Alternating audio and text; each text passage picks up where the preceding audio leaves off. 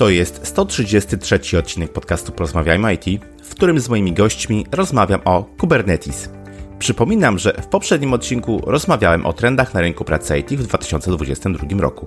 Wszystkie linki oraz transkrypcję dzisiejszej rozmowy znajdziesz pod adresem porozmawiajmyoit.pl łamane na 133. Ocena lub recenzja podcastu w Twojej aplikacji jest bardzo cenna, więc nie zapomnij poświęcić na to kilka minut. Ja się nazywam Krzysztof Kępiński, a moją misją jest poszerzanie horyzontu ludzi z branży IT. Środkiem do tego jest m.in. ten podcast. Zostając patronem na platformie Patronite, możesz mi w tym pomóc już dziś. Wejdź na porozmawiajmyoit.pl łamane na wspieram i sprawdź szczegóły. Jednocześnie bardzo dziękuję moim obecnym patronom. A teraz życzę Ci już miłego słuchania. Odpalamy. Cześć, dziś moimi gośćmi są Maciek Kuźniar, pomysłodawca, główny architekt i CEO polskiej chmury obliczeniowej Octawave, od 2003 roku związany z K2 Internet SA, gdzie odpowiadał za rozwój i utrzymanie infrastruktury IT i współtworzył biznesowy sukces działu zajmującego się hostingiem zaawansowanych systemów IT dla kluczowych klientów. Autor koncepcji technologicznie wspierających rozwój biznesu oraz rozwiązań architektonicznych gwarantujących wysoką dostępność i spełniających rygorystyczne wymogi serwisowe. I drugim gościem jest dzisiaj Zbyszek Kamiński, Cloud Masters i Premium Support Director Octawave z chmurą Octawave związany od 9 lat, a w branży IT od 1999 roku. Piękny wynik.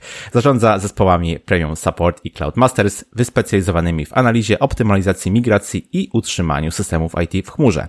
Odpowiada za wsparcie dużych portali internetowych, TUI.pl, Pracuj.pl czy serwisy grupy EdiPress trakcie i po migracji do chmury.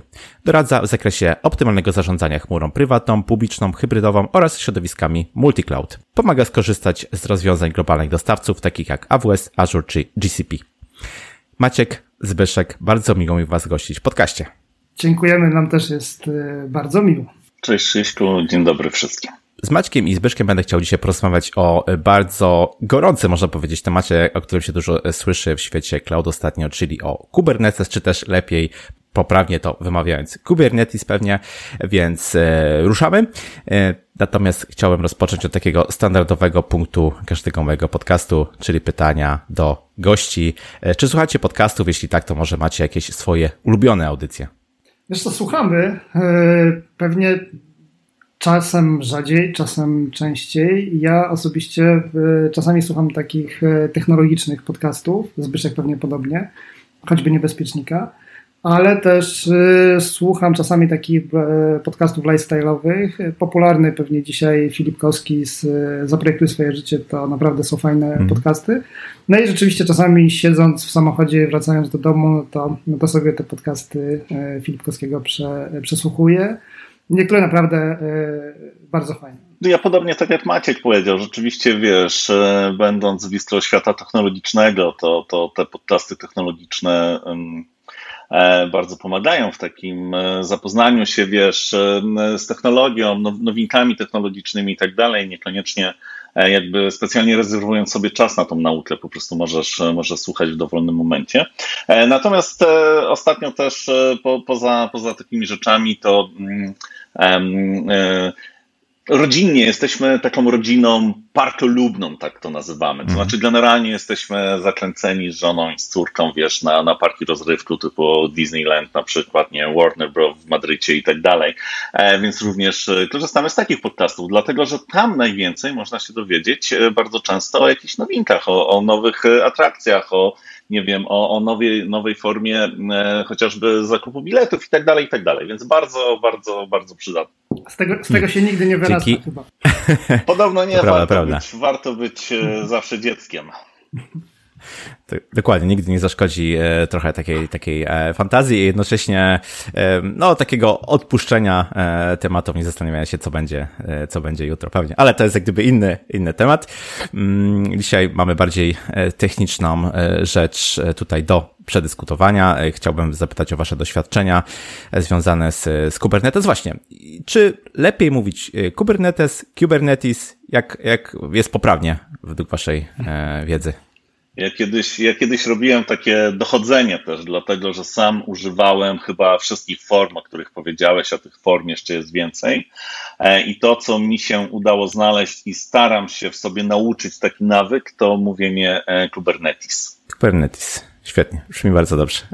To zacznijmy może od początku, e, czym ten Kubernetes jest, jak powstał, kto go stworzył, na jakie problemy właściwie odpowiadał, dlaczego się o tym temacie teraz e, no całkiem sporo mówi. Wiesz co, to jest, e, to jest bardzo ciekawa historia i teraz Byszek byłem pierwszy. Dobrze, proszę bardzo Maćku. Tak, pierwowzorem dla Kubernetesa był taki system, który powstał w Google i ten system nazywa się Borg. E, tutaj nawiązanie do Star Treka.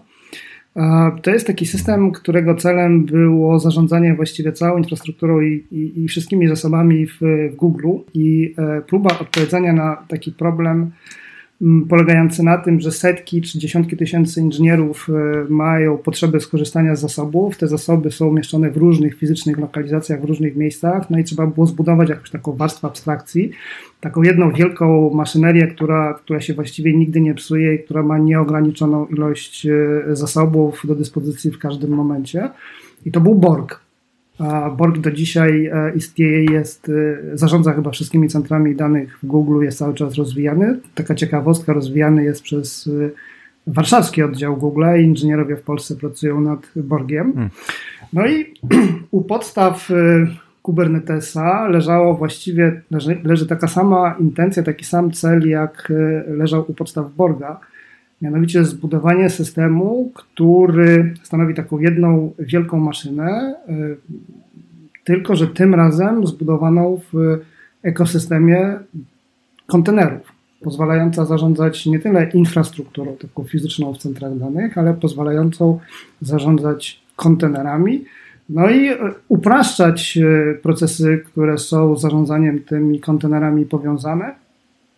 Mm, dzisiaj to jest 7 lat od, chyba 7 lat od czasu wydania Kubernetesa. To gdzieś w 2014 roku się wydarzyło. Można powiedzieć, że ta platforma jest naprawdę dojrzała, zyskuje niezwykłe tempo rozwoju. Bardzo wiele firm z tego korzysta. No i czym jest właściwie Kubernetes? No Kubernetes to jest to jest taka platforma do zarządzania, do skalowania, automatyzacji wszystkich e, aplikacji kontenerowych. Tak bym to nazwał. Mhm. Czyli jeśli chcemy stworzyć aplikację i zapakować ją w kontener, to być może dobrym pomysłem będzie umieścić ją w e, Kubernetesie. Zapewne wielu słuchaczy ma do e, czynienia, chociażby dewelopersko pracujący na co dzień z Dockerem. I chciałbym teraz Was zapytać, czym właściwie się różni Kubernetes od Dockera? Dlaczego potrzebujemy e, dwa systemy związane z konteneryzacją? Czy nie wystarczy nam tylko jedno rozwiązanie? To może teraz e, spróbuję ja wyjść tutaj pierwszy, Maćku. E, generalnie rzeczywiście bardzo często te zwroty, ta terminologia się e, przecina. To znaczy, bardzo często mówiąc o Kubernetesie, o Kubernetesie, przepraszam, sam zwracam uwagę na to, że to Kubernetes. Mówiąc o Kubernetesie, mówimy również o Dockerze. Sam Docker jest to ogólnie technologia, i, i format pliku kontenera, tak? E, Docker e, służy do automatyzowania, wdrażania aplikacji, tworząc takie samowystarczalne kontenery. Dlatego chcąc mówić bardziej precyzyjnie, jeżeli robimy porównanie pomiędzy Kubernetesem a Dockerem, powinniśmy porównywać Kubernetesa i Docker Swarma, bo tak naprawdę w tym przypadku oba narzędzia są właśnie orkiestratorami, którzy służą do zarządzania na przykład obrazami e, utworzonymi e, w tej danej technologii. I teraz, jeżeli mielibyśmy to porównać e, w taki sposób najbardziej przystępny, tak mi się wydaje, to taką jedną z największych różnic jest to, że Kubernetes pozwala na klastrowanie kontenerów platformy Docker. Docker Swarm działa na trochę innej zasadzie, natomiast w momencie, w którym myślimy o zbudowaniu środowiska, które będzie właśnie i odporne na awarie, i skalowalne, i pomoże nam e, w ogarnięciu tego naszego świata aplikacyjnego, to właśnie tu z pomocą przede wszystkim przychodzi platforma Kubernetes. E, Kubernetes. Jest ona w takim moim odczuciu platformą po prostu bardziej złożoną od rozwiązania Docker Swarm. Więc Docker Swarm bardziej, tak z mojej perspektywy, e, pomaga w ogarnięciu takich jednostkowych, jednostkowych projektów e, związanych z samą konteneryzacją. Kubernetes jest już do zastosowań o skali zdecydowanie, zdecydowanie większej. Bo myślę, że też to, co warto powiedzieć, już może poza samym porównaniem, to jest to, że Kubernetes nie musi być od razu e, wyciągany na początku naszej drogi do technologii kontenerowej. Tak naprawdę e, wiele projektów jesteśmy w stanie, e, jesteśmy w stanie opracować, przygotować, uruchomić z wykorzystaniem po prostu obrazów właśnie doklerowych. Natomiast przy większych zastosowaniach zdecydowanie polecałbym już skręcenie w stronę e, właśnie Kubernetesa. Wiecie co, to jeszcze, mhm. jeszcze jedna um, uwaga z mojej strony, bo to są tak naprawdę Docker i Kubernetes to są dwie różne rzeczy. To jest takie, czasami e, można sobie to wyobrazić w ten sposób, że mamy taki gigantyczny statek transatlantyk, nie? on płynie i na tym transatlantyku są tysiące kontenerów poupychane. No to te kontenery na tym transatlantyku to są dockery, nie? to są obrazy dockerowe, mhm. a ten transatlantyk to jest Kubernetes. To jest e, takie, Kubernetes jest takim miejscem, w, w którym można uruchomić te wszystkie kontenery zapakowane czy zbudowane za pomocą Dockera. Czyli są kontenery dockerowe. Mogą być też inne, ale zwykle używa się kontenerów e, dockerowych. No i w tych kontenerach, w tym obrazie dockerowym jest ta aplikacja, którą Kubernetes zarządza. Ta aplikacja może się składać z wielu takich obrazów. To, to, to, to, nie zawsze jest tylko jeden obraz. Zwykle to nie jest jeden obraz, zwykle jest kilka, kilkanaście. No to za chwilę będziemy o tym pewnie bardziej rozmawiać, ale na Kubernetes trzeba patrzeć jako na platformę, a, na, a, a Docker jest komponentem tej platformy. Rozumiem. No przecież to jest takie bardzo obrazowe e, pokazanie faktycznie różnic e, i, i cieszę się, e, że to tutaj Maciek sprostowałeś, żebyśmy nie porównywali jabłek z gruszkami, tak? Bo to faktycznie są dwie różne rzeczy. Mm, okej, okay. mówiliście wcześniej, że automatyzacja z jednym z takich benefitów, które na przykład może wynikać powiedzmy z zastosowania e, Kubernetesa. E, skoro automatyzujemy, e, to przede wszystkim chciałbym Was zapytać o to, co automatyzujemy w przypadku Kubernetesa, jakie benefity zyskujemy dzięki wprowadzeniu takiej automatyzacji, jak tym zarządzamy. Wiesz co, ja nie wiem, czy to jest dobre pytanie, czy można zapytać, co automatyzujemy w przypadku Kubernetesa, bo jakby krok wstecz, co mhm. właściwie automatyzujemy dzisiaj w IT? Dzisiaj w IT auto, automatyzujemy procesy. Nie? No i teraz, jakie to mogą być procesy w IT, które automatyzujemy? No, jakby pewnie, pewnie jest ich szereg, ale taki, który, który nasuwa się, czy przychodzi nam od razu na myśl, to jest automatyzacja procesu związanego z wytwarzaniem aplikacji. No, jakby piszemy aplikację, potem jak już ją napiszemy, to ją testujemy, jak już ją przetestujemy, to uruchamiamy w środowisku produkcyjnym, jak ją w tym środowisku produkcyjnym uruchomimy, to za chwilę mamy poprawki do tej aplikacji, nowe wersje tej aplikacji. To jest proces. Kubernetes jest na, narzędziem do automatyzacji. Automatyzować możemy innymi procesy i dobrym przykładem e, jakby procesu, który możemy zautomatyzować, to jest proces wytwarzania e, aplikacji. I tu mówimy na przykład o takich e, zjawiskach jak e, CI/CD, czyli Continuous Integration, Continuous Development, który, które to terminy, za chwilę będziemy o nich więcej mówić, są już terminami, które no, mają istotne znaczenie w świecie Kubernetesa. Natomiast jakby wracając jeszcze do pytania, to chyba nie da się, Zbyszek, co to na to, ale raczej nie da się automatyzować samej aplikacji. Nie? Automatyzować to, możemy proces.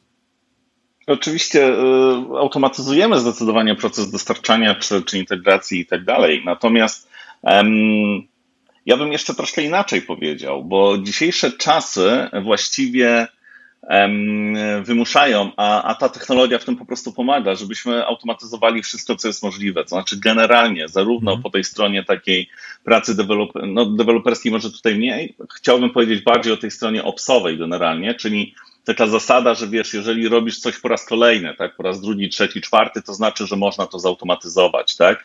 I jakby e, środowiska, środowiska związane z kontenerami, e, aplikacje uruchamiane w formie mikroserwisów, e, ta technologia właśnie pomaga na tym, żebyśmy większość procesów, o których wspomniał Maciek, procesów związanych z dostarczaniem, zarządzaniem, utrzymywaniem naszej aplikacji i środowiska, na którym ta aplikacja działa, po prostu automatyzowali. Więc tak właśnie rozmawiam również e, z klientami i, i, i u nas w zespole również tak do tego podchodzimy, że w momencie, jeżeli możesz, jeżeli powtarzasz swoją pracę, to znaczy, że możesz spróbować ją zautomatyzować. Więc jeżeli mamy pytanie o tym, mhm. co automatyzować, to właściwie wszystko, co jest możliwe.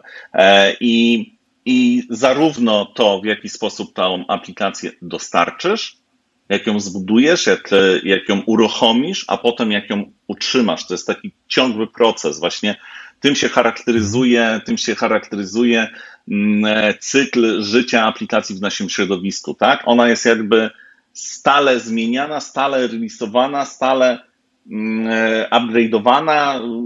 Pewnie nazw jeszcze można milion tutaj wymyśleć. Natomiast chodzi o to, że to jest proces ciągły. Im więcej z tego procesu zautomatyzujesz, tym po prostu będziesz miał z tego większe benefity. Tak, tylko mnie chodziło mhm. o to, że to jest e, automatyzacja zadań związanych z rozwojem aplikacji. Nie da się za pomocą Kubernetesa, czy w ogóle jakby systemu e, automatyzacji takiej opartej o kontenery, automatyzować, nie wiem, pracę fabryki. Oczywiście, mhm. tak. Tutaj zgadzam się z tą w 100%, że rzeczywiście e, taśmy produkcyjnej w ten sposób no, nie zautomatyzujemy. Ale na przykład rzeczy, które z tej taśmy produkcyjnej wpadają nam do różnego rodzaju aplikacji, systemów, baz danych, etc., etc., to już tutaj można się pokusić o to, żeby rzeczywiście wdrożyć narzędzia automatyzacji, żeby te informacje w sposób łatwy, nie wiem, e, bardziej aktualny mieć e, po prostu dostępne. Mhm. Okej, okay, to myślę, że mamy tutaj e, jasność. Padł taki, mam wrażenie, mocny akcent na wydawanie aplikacji, tak? Że to tutaj e, na przykład na CI/CD, że to jest takie, te, no, fajna rzecz, którą można za pomocą Kubernetesa e, automatyzować, czy tam połączyć, powiedzmy, tak? Natomiast zastanawiam się, na ile, powiedzmy, też e, tutaj z waszego doświadczenia wynika, że wszelkiego typu utrzymanie, wszelkiego typu skalowanie na przykład aplikacji, zwłaszcza takiej, powiedziałbym, trochę rozproszonej, na przykład w, w architekturze mikroserwisów, czy to też jest dobre zastosowanie właśnie Kubernetesa? Tak, oczywiście, że tak. Generalnie patrząc na, na to, w jaki sposób dziś tworzymy nowoczesne aplikacje, właśnie wydając je w formie e, mikroserwisów, czyli generalnie e, starając się budować aplikacje, będąc jak najdalej aplikacji monolitycznych, raczej wybieramy sobie poszczególne funkcjonalności, E, obudowujemy je właśnie kodem i dostarczamy do, do środowiska w postaci mikroserwisu.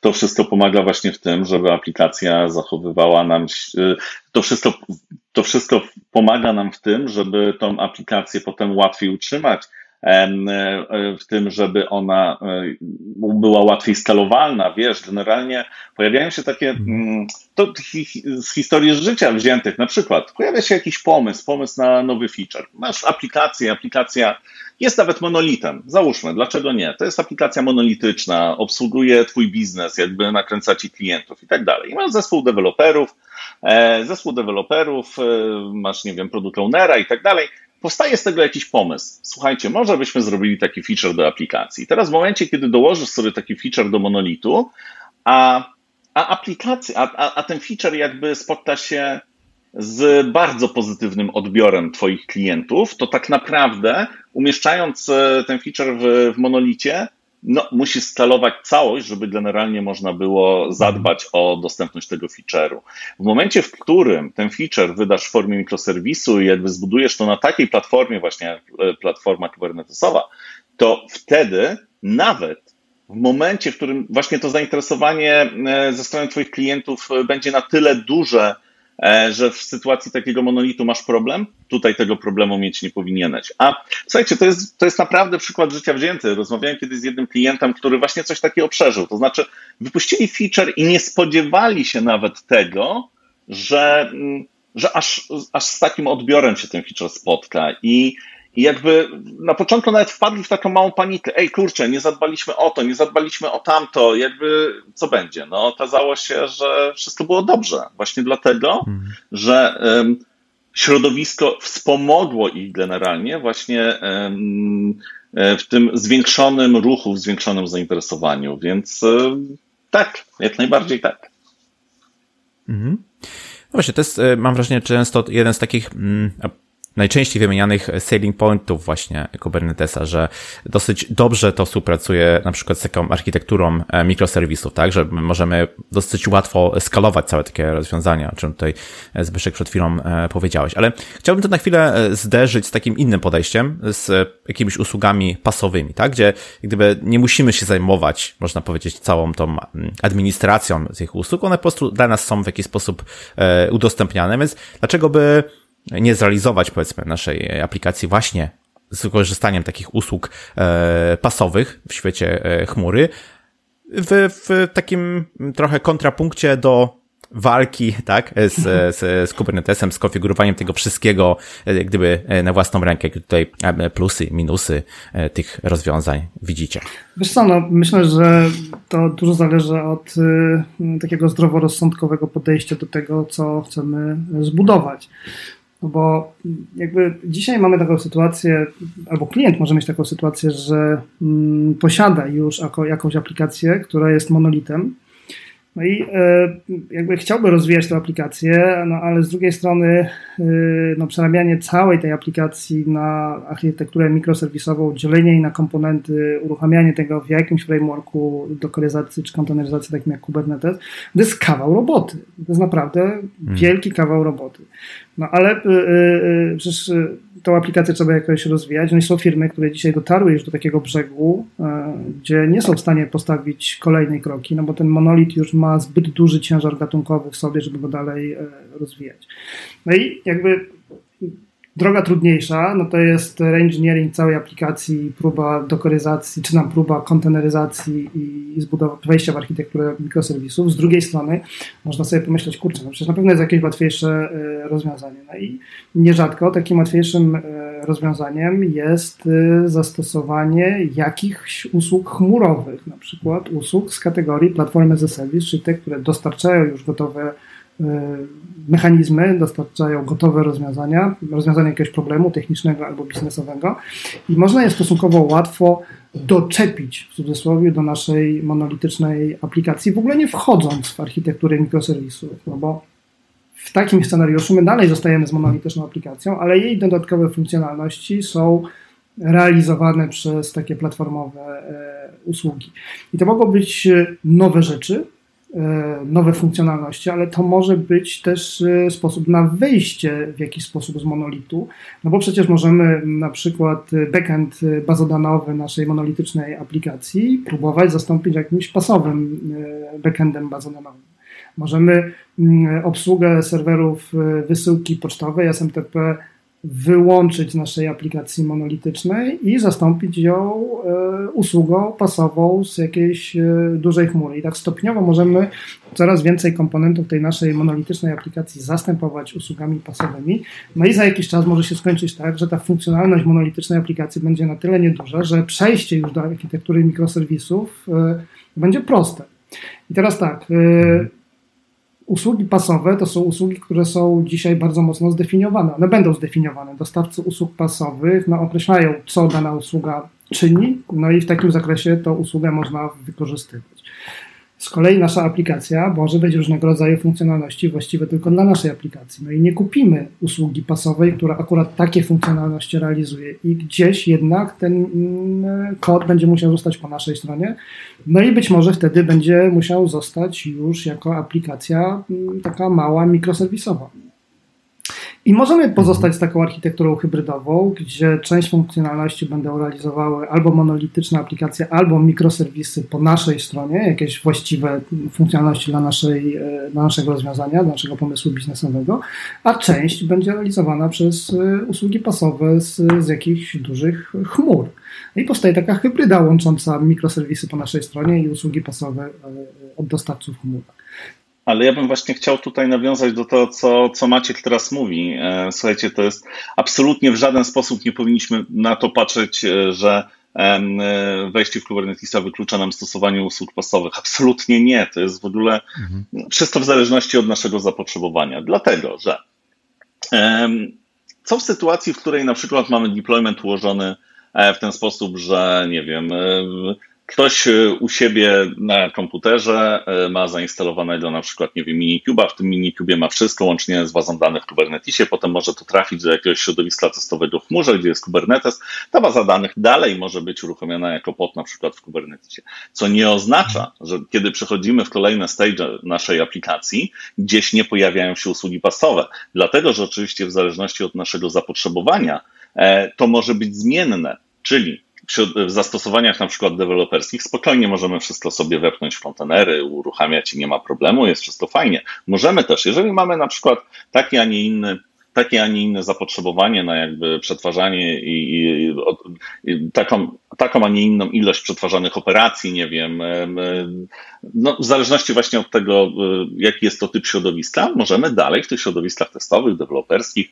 utrzymywać usługi wszystkie uruchomione w Kubernetesie. Natomiast na przykład środowiska wyższe typu e, środowiska, nie wiem, stage'owe czy środowiska produkcyjne mogą spokojnie korzystać z usług pasowych, na przykład właśnie tej wspomnianej bazy danych. Co w sytuacji jednak, w której nasze zapotrzebowanie na bazę danych jest tak duże, że usługi nawet, które są managed services u dostawców chmurowych są za małe, bo na przykład opieramy się o jakieś limity, bo na przykład rzeczywiście potrzebujemy nie wiem, 20 tysięcy zapytań na sekundę w bazie danych i zaczyna się robić to problemem. To przecież też jakby nic nie stoi na przykładzie, żeby, e, nic nie stoi na przeszkodzie, żebyśmy zrobili sobie hybrydę i przygotowali konfigurację systemów operacyjnych, dużych serwerów, które również w dalszym ciągu się skalują, na przykład wielkich maszyn wirtualnych, na których uruchamiamy sobie wtedy takie środowisko bazodanowe.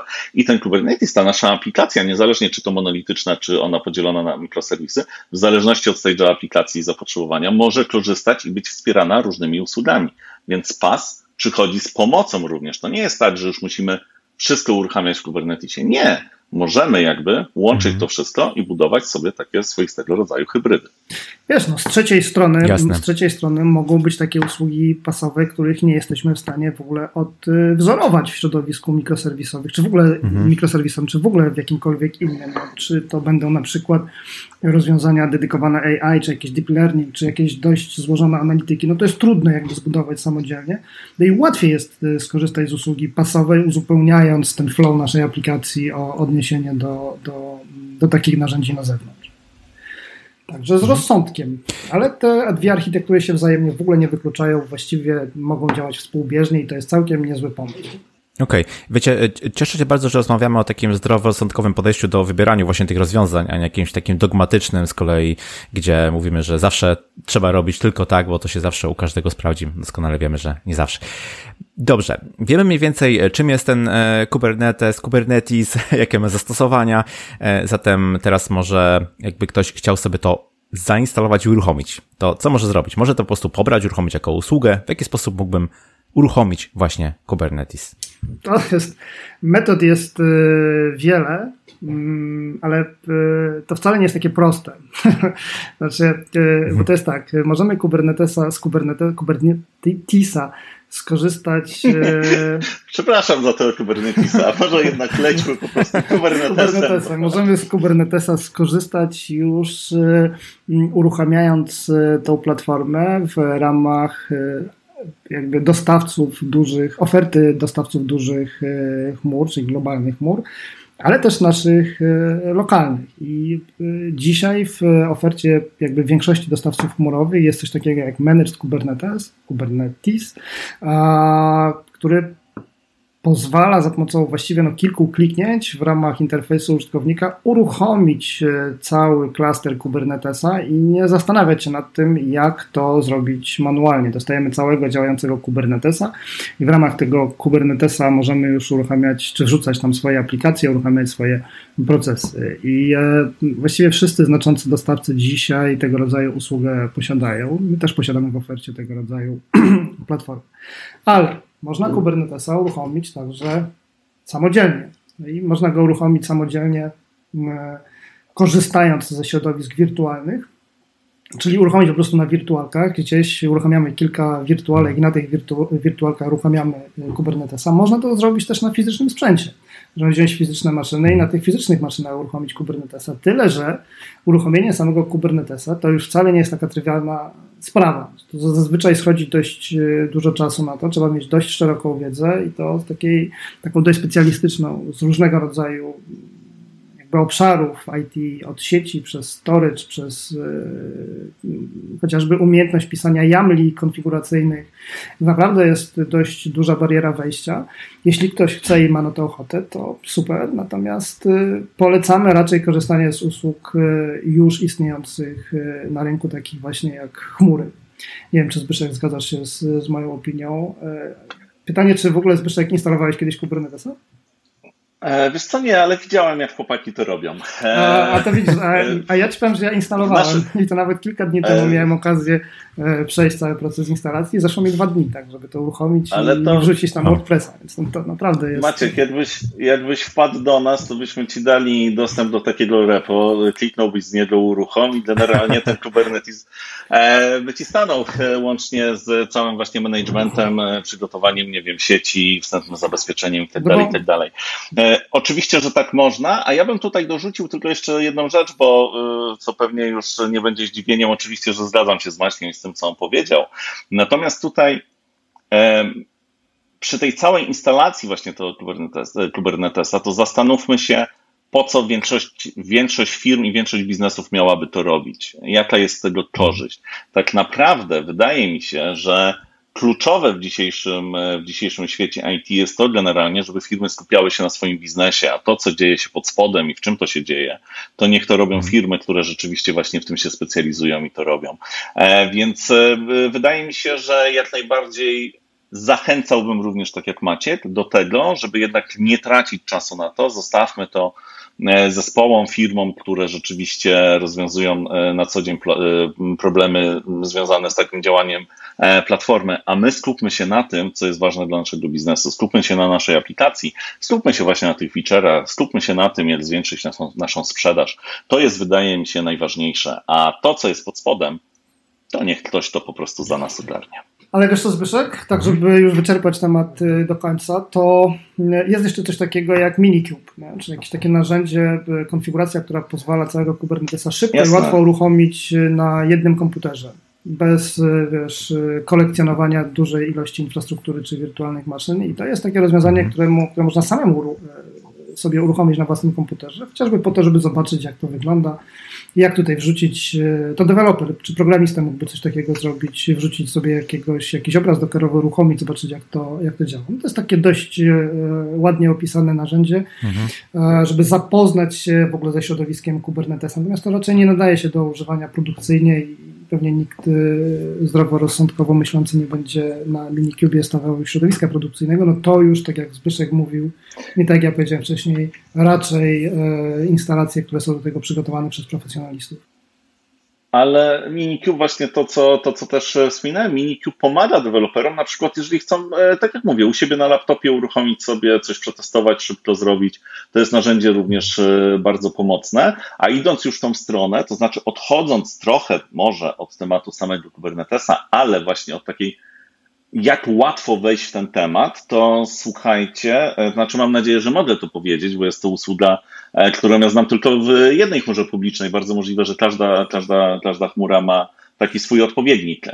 Natomiast chciałbym tutaj powiedzieć o czymś, co się nazywa Copilot i usłudze AWS-owej, gdzie po prostu z Basha e, na swoim komputerze e, robię sobie deployment i uruchamiam z wykorzystaniem tego Copilota coś w AWS-ie, to coś mnie w ogóle nie interesuje, a tam pod spodem dźwiga się cała, cała, e, cała artyleria związana z działaniem właśnie środowisk kontenerowych. Więc jakby ten próg wejścia, nauczenia się może być różny, ale finalnie zaufajmy tym dostawcom i korzystajmy z tych usług. Nie, jak to się mówi, nie. Wyważajmy drzwi. Dziękuję Maćku, dokładnie, które już Ale czekaj, nie, są otwarte, słuchajcie. Nie wyważajmy otwartych drzwi, właśnie, tak. No tak. tak. Słuchajcie, idealnie się uzupełniacie i do, dobra e, puenta. Tutaj Maciek e, skutecznie, myślę, odstraszył od instalowania Kubernetesa na własną e, rękę. Myślę, że faktycznie szereg umiejętności trzeba mieć, żeby to zrobić, ale weźmy na przykład jakiegoś dostawcę takiej usługi, na przykład jak, jak, jak Octawave, prawda? Czy trzeba posiadać jakieś szczególne kompetencje, umiejętności, żeby z Kubernetesa skorzystać? Jak to wygląda? Zresztą my jako Octave dostarczamy e, managed Kubernetesa, czyli dostarczamy rozwiązanie, które klient e, po, e, jakby po zalogowaniu do naszego panelu administratora może uruchomić w bardzo łatwy sposób. No i to, to, to jest coś, co wypracowaliśmy wewnętrznie. Jest to kawał technologii, która sprawia, że dla każdego klienta my prowizjonujemy uruchomienie oddzielnego klastra kubernetesowego. To jest wszystko całkowicie zautomatyzowane, nikt tutaj nie siedzi i ręcznie tych kubernetesów dla klientów nie uruchamia, ale żeby rzeczywiście do tego dojść, no to pewnie tak z półtora roku developmentu nam to zajęło mniej więcej. No i tutaj wiesz, no, mhm. tutaj kompetencji trzeba bardzo dużo to od storage'u przez networking, przez automatyzację, przez mm, jakby wiesz, procesy de, takie DevOpsowe, no masę różnego rodzaju pracy i w zasadzie chcąc uruchomić Kubernetesa samodzielnie, no to te kompetencje w jakiejś części musimy powielać. No, jakby chociażby, nie wiem, stos sieciowy w Kubernetesie, gdzie wiecie, no, jakby uruchamiając tego Kubernetesa, dochodzimy na pewnym etapie do tego, że musimy zdecydować, jak ma być realizowany stos sieciowy. No i mamy do wyboru, nie wiem, nie przymierzając 10 różnego rodzaju rozwiązań. No i chociażby decyzja, no dobra, to, no to jak ja mam tą sieciówkę? Co ja mam tu uruchomić? Jakąś taką fanelową sieć, hmm. a może Kaliko, a może jakieś rozwiązanie od Cisco, a może jeszcze coś, no kurde, nie wiem. No i teraz właściwie z każdego z tych rozwiązań to się trzeba doktoryzować, żeby je e, dobrze hmm. rozpoznawać. A dostawca, taki jak e, my, jak AWS, jak Azure, już e, ten proces myślowy przeszli, już wiedzą, które rozwiązanie będzie najlepsze do zastosowania w ich środowisku chmurowym i jakby uruchamiając Kubernetesa dla klienta, uruchamiają, uruchamiają go już kompletnego, dostosowanego do, do danej platformy chmurowej. Um, także o stronie klienta wtedy nie potrzebne są już żadne kompetencje. To klient y, uruchamiając taki klaster kubernetesowy nie musi decydować o tym, jaki ma być provider sieciowy, jaki ma być provider storage'owy, jaki ma być, mhm. gdzie ma być API, co tam ma się jakby dziać po drodze. To wszystko już jest zapakowane, zamknięte od strony właściwie klienta. No jest y, jakby pobranie kubectl i konfiga do, do, do kubectl i korzystanie z, y, z klastra.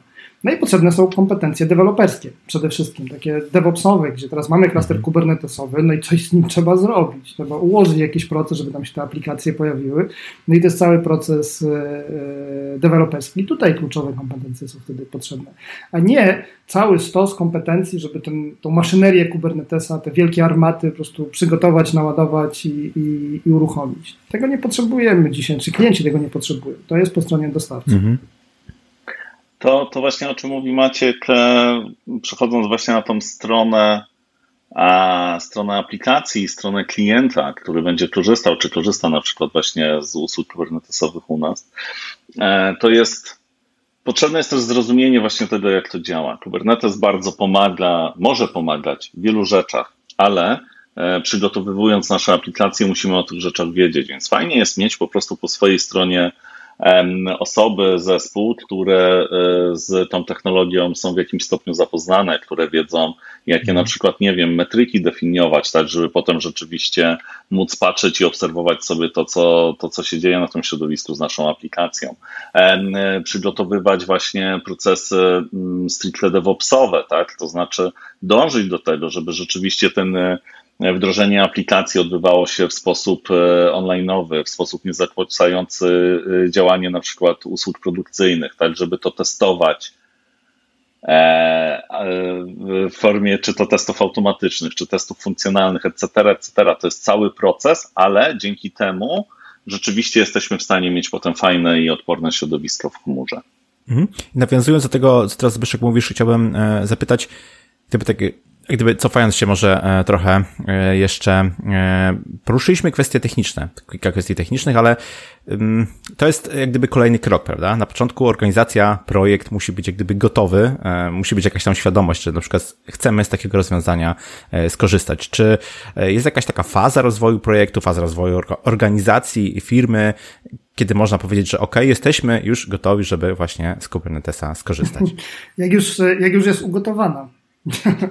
Jak już jest ugotowana, nic już e, tak, nic już e, nic nie, nie wychodzi, to, to jest na pewno moment, e, w którym warto spojrzeć w tą stronę. Tak? Zaczekajcie, są, są, są, hmm. są dwa etapy. Albo jesteśmy na pierwszym, takim początkowym etapie rozwoju organizacji i wtedy już myślimy o naszej jakby organizacji w taki bardzo nowoczesny sposób. My tworzymy tę organizację i tworzymy pewnie jakieś procesy biznesowe i aplikacje, które za tym idą i wtedy możemy myśleć o Kubernetesie, czy w ogóle o mikroserwisach na samym początku lub, tak jak e, właśnie powiedziałem przed chwilą, organizacja się ugotowała, czyli nie może postawić kolejnego kroku, bo postawienie kolejnego kroku jest tak niezwykle kosztowne, że nam się już nie opłaca. No i wtedy musimy, musimy mhm. się zatrzymać, yy, zastanowić się, jak my dalej w ogóle mamy rozwijać ten nasz biznes, to te nasze aplikacje IT, bo to o tym mowa.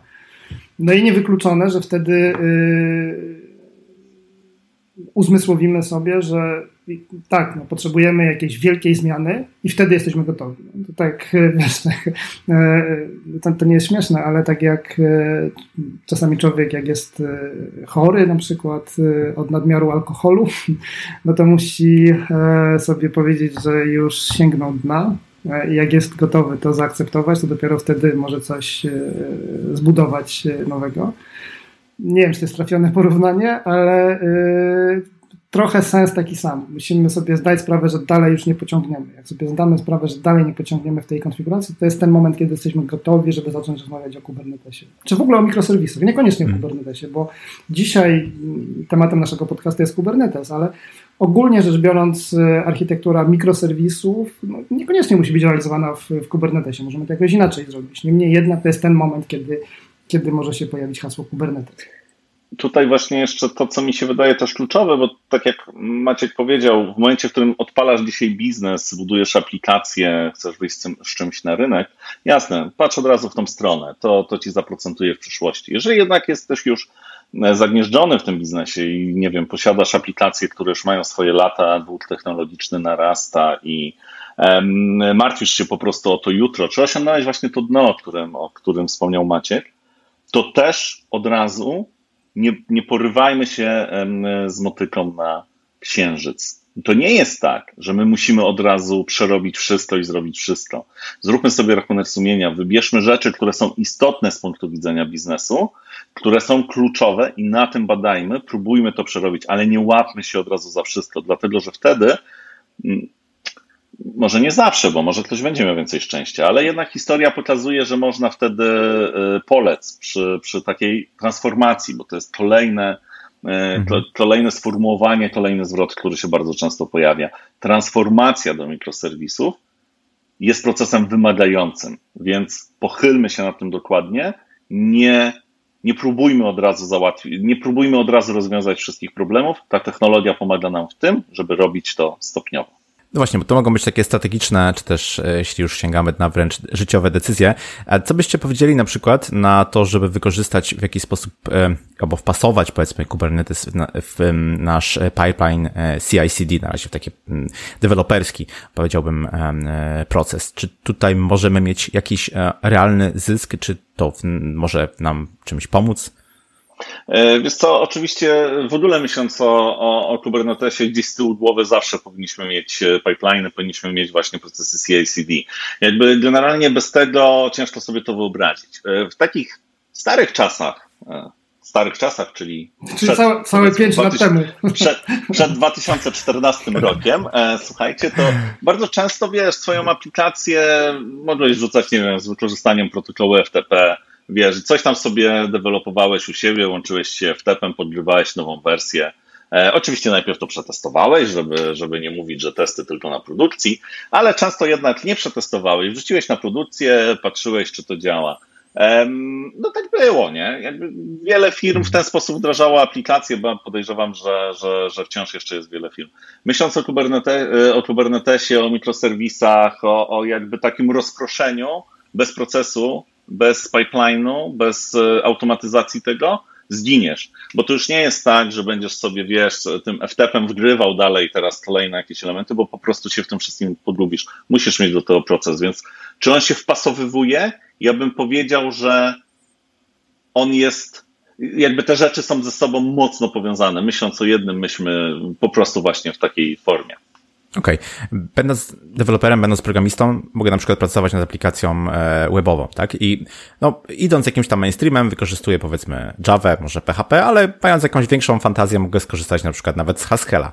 E, czy stos technologiczny ma jakiekolwiek znaczenie? W przypadku Kubernetesa mamy jakieś ograniczenia, czy to jest zupełnie transparentne? Co nie ma, to, to właśnie e, architektura mikroserwisów i zamknięcie tego, tej naszej aplikacji w obraz dockerowy no, pozwala w tym obrazie dockerowym uruchomić czy skorzystać z dowolnej technologii. No, czy my napiszemy ten nasz mikroserwis w C, w Haskellu, w Go czy w PHP, be my guest. No, pisz w czym potrafisz, w czym się czujesz najlepiej no powstaje mocno takie heterogeniczne środowisko, ale jakby mm, czemu nie? Po to mamy te dockery, aby móc y, aplikacje w ten sposób zamykać i, i właściwie to trochę, trochę szerzej już może, ale patrząc y, na tempo rozwoju technologii i tempa, z jakim rozwijają się różne języki, co wnoszą do naszego życia, w czym usprawniają różnego rodzaju procesy, no to można założyć, że siłą rzeczy mm, e, po kilku latach od powstania naszej aplikacji na pewno pojawiło się coś, co łatwiej będzie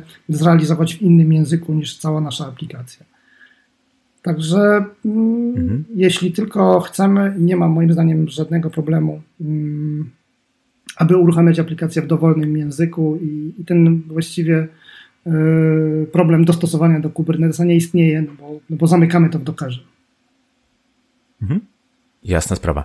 Dobrze, wdrożenie Kubernetesa, powiedzmy to jedno, to jest jakiś tam pierwszy, e, pierwszy krok, no ale później to wszystko sobie działa, musimy to jakoś utrzymywać. No, dobrze by było przynajmniej monitorować. E, czy Kubernetes daje nam jakieś możliwości, jakieś narzędzia właśnie ku temu, ku monitorowaniu aplikacji? Oczywiście, że daje. E, oczywiście, że daje, oczywiście, że jest ich mnogość. W ogóle to, co wydaje mi się, e, przy Kubernetesie ma też duże znaczenie, e, ze względu na jego popularność obecnie. E, w tej chwili dostępność narzędzi, nie wiem, e, gotowych rozwiązań jest bardzo, bardzo duża, więc kwestia tego, jak my to zaimplementujemy, e, jest po naszej stronie. Natomiast Mm, community jest po prostu bardzo duże. E, I oczywiście, że pomaga w monitoringu, pomaga, ale właśnie warto jest to, co wspomniałem już w tym procesie developmentu, myśleć o tym generalnie, co warto mierzyć w tym, co przygotowujemy, przygotowywać do tego metryki, mieć narzędzia zaimplementowane, które pozwalają nam na pokazanie tego, co się dzieje w naszych klastrach, tak, na miejsca, w których e, będą wpadały logi, te logi będą agregowane, będziemy mieli dashboardy pokazujące generalnie, co w danym momencie, w danej jednostce czasu dzieje się w naszym systemie. Natomiast tak, Kubernetes w tym pomaga. E, są gotowe rozwiązania, które można zaimplementować e, u dostawców chmurowych, ale jednak chcąc, e, tak przynajmniej mm, patrząc na to, jak się u nas dzieje, chcąc wykorzystać i mieć jak najwięcej informacji, to to wymaga rzeczywiście już zaangażowania, poznania i umiejętności takiego odczytania tego, co warto. E, warto sprawdzać, warto patrzeć, dlatego że Kubernetes ma to do siebie, że potrafi logować naprawdę wszystko, więc fajnie jest, żebyśmy e, wyłapywali też z tego kluczowe, kluczowe rzeczy i, i, no i używali systemów, e, które pozwalają nam na, na takie odczytanie wartościowych informacji z punktu widzenia naszej aplikacji, biznesu, technologii i działania po prostu. Mhm. Powiedziałeś, e, Zbyszku, że Kubernetes e, się rozwija, że jest fajny community. Każda technologia, która jakiś czas już istnieje e, na rynku, która się rozwija, no ma też pewne bolączki, pewne, pewne problemy, z którymi się musi mierzyć.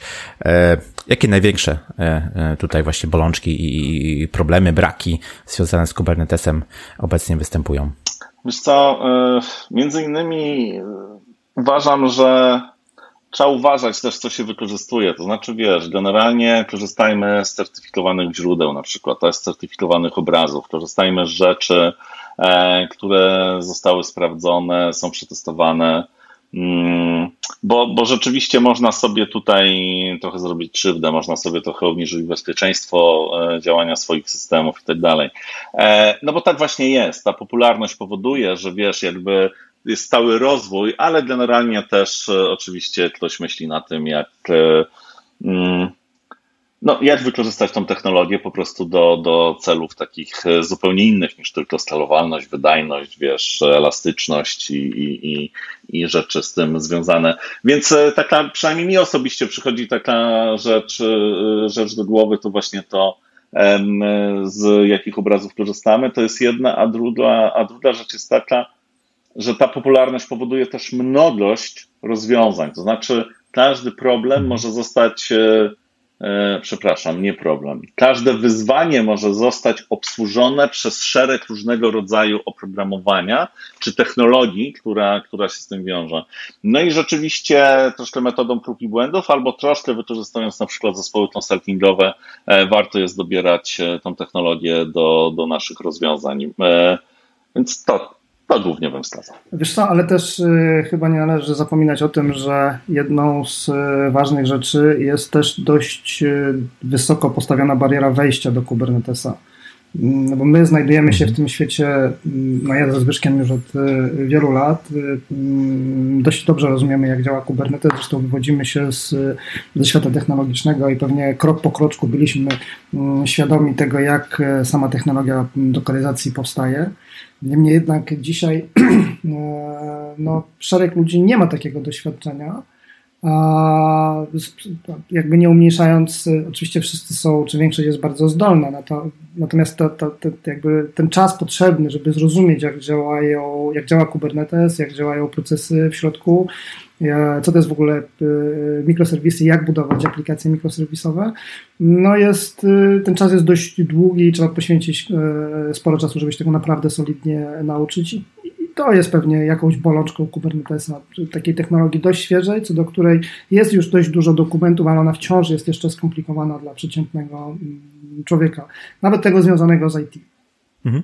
Czy, czy, w związku z tym jest to być może jakiś etap przejściowy, powiedzmy, w ewolucji e, orkiestracji e, właśnie kontenerami? Jak, jak widzicie przyszłość tej, tej technologii? E, Dockery, czy w ogóle środowisko konteneryzacji jest efektem, czy jakby powstało w efekcie e, rozwoju technologii w obszarze wirtualizacji, też między innymi. Czy kiedyś mieliśmy fizyczne serwery, no i chcieliśmy te fizyczne serwery dzielić, no bo mamy jeden duży serwer, i, a mniejsze aplikacje. No i ten, ten, ten, fizyczny serwer trzeba było jakoś podzielić. W dawnych czasach, jeszcze w latach 70., e, były rozwiązania takie Unixowe, nie boję się używać tego słowa, albo wręcz e, takie, które pozwalały na podzielenie tego sprzętu fizycznie w ramach sprzętu. AX chyba, nie, e, AS400 bodajże miało takie możliwości, gdzie fizyczną maszynę za pomocą konfiguracji można było podzielić na szereg mniejszych e, maszyn. Później pojawiła się wirtualizacja i tego rodzaju technologia była dostępna na platformę x86, czyli wszystkie PC-ty, które, które używamy. Zresztą ta technologia x86 jest przecież podstawą działania wszystkich serwerów dzisiaj, czy większości serwerów mhm. dzisiaj. No i możemy te serwery dzielić na mniejsze za pomocą wirtualizacji. No ale w, okazało się, że wirtualizacja to wciąż jeszcze mało, że jeszcze potrzebujemy te środowiska wirtualne podzielić na jeszcze mniejsze komponenty. Kontenery, w, ja nie pamiętam teraz dokładnie, ale w, w kernelu Linuxowym to są od kilkunastu lat chyba. I dopiero po pojawieniu się środowisk wirtualizacji te kontenery nabrały nowego znaczenia i e, dzisiaj dzielą nam wirtualki, te środowiska wirtualne na jeszcze mniejsze komponenty, no bo aplikacje mikroserwisowe są nieduże, więc te wirtualki, no nie ma sensu stawiać wirtualki, która ma e, parę megabajtów pamięci, czy tam parę dziesiąt megabajtów pamięci, no to się, to się mija z celem, w ogóle to jest e, kosztowo nie, nieopłacalne, a mikroserwisy mogą w takim, w takim środowisku całkiem nieźle działać. I teraz co będzie dalej? Szczerze mówiąc, ja nie podejmuję rękawicy odpowiedzieć, e, próby odpowiedzenia to pytanie. Zbyszek, e, masz jakiś pomysł? Ja myślę, że będą... Nie, na, właśnie. Na pewno będą rozwijać się środowisko orkiestracji, prowizjonowania, jakby może jakiejś graficznej reprezentacji. Mamy ranchera, który nam pozwala różne fajne rzeczy zwizualizować. Może w tym kierunku to będzie szło. Tak znaczy, wydaje mi się, że z Kubernetesem, z Kubernetesem i z tą technologią e, będziemy jeszcze na pewno e, przez x lat e, dość blisko. Natomiast zmieni się, e, wydaje mi się, w dużym, w dużym stopniu sposób użycia i wykorzystania tej technologii. E, Maciek przywołał tutaj Ranchera, tak, między innymi E, dziś e, borykamy się z problemami chociażby właśnie takiej instalacji on-premowej Kubernetesa z, z jego upgrade'em chociażby, tak? A, a właśnie takie narzędzia typu Rancher e, bardzo, bardzo w tym pomagają. Więc wydaje mi się, że mimo wszystko będzie świat tej technologii jeszcze, jeszcze trochę będzie, świat IT, natomiast będzie zmieniało się wykorzystanie i, i jakby próg wejścia, będzie, będzie obniżony próg wejścia właśnie w tą technologię. Też tak sądzę. Mhm. Dobrze. To może za jakiś czas się spotkamy, porozmawiamy, zobaczymy na ile nasze e, osądy się spełniły. E, a tymczasem, tymczasem chciałbym jeszcze na koniec Was zapytać właśnie o Kubernetes i Octawave. E, jakie macie doświadczenie? Już trochę powiedzieliście na ten temat. Mhm. Natomiast no, jak pomagacie w tym obszarze swoim klientom? Pomagamy w dwóch obszarach, co najmniej w dwóch obszarach. Po pierwsze, jesteśmy, staramy się być partnerem takim, który pomaga firmom w jakby w migracji do chmury i w trasie tej migracji do chmury także w przejściu na architekturę mikroserwisu. Tutaj dostarczamy usługi takie konsultingowe, inżynieryjne, usługi, które pozwalają klientom lepiej zrozumieć architekturę mikroserwisów. My potrafimy wyjaśnić, jak to działa, jakie są korzyści, jakie są benefity zastosowania w ogóle tej technologii. No i przeprowadzić klienta przez ten e, proces e, właściwie za rączkę, od jakiegoś takiego audytu, czy takiego spisu z natury, co dzisiaj jest u klienta, poprzez e, projekt, architekturę, analizę, egzekucję i ostatecznie otwarcie szampana po uruchomieniu w, środowisku chmurowym. Z drugiej strony dostarczamy także produkt, czyli dostarczamy w ramach platformy Octave usługę OKSS, Octave Kubernetes Service. I jest to taka sama e, usługa jak e, w AWS-ie, w Azure, w Google, czyli pozwalająca na uruchomienie klastra kubernetesowego w łatwy sposób. Można założyć, można się na nas, u nas zarejestrować, można założyć konto i tego mm, Kubernetesa mm, za pomocą paru kliknięć otrzymać. Świetnie.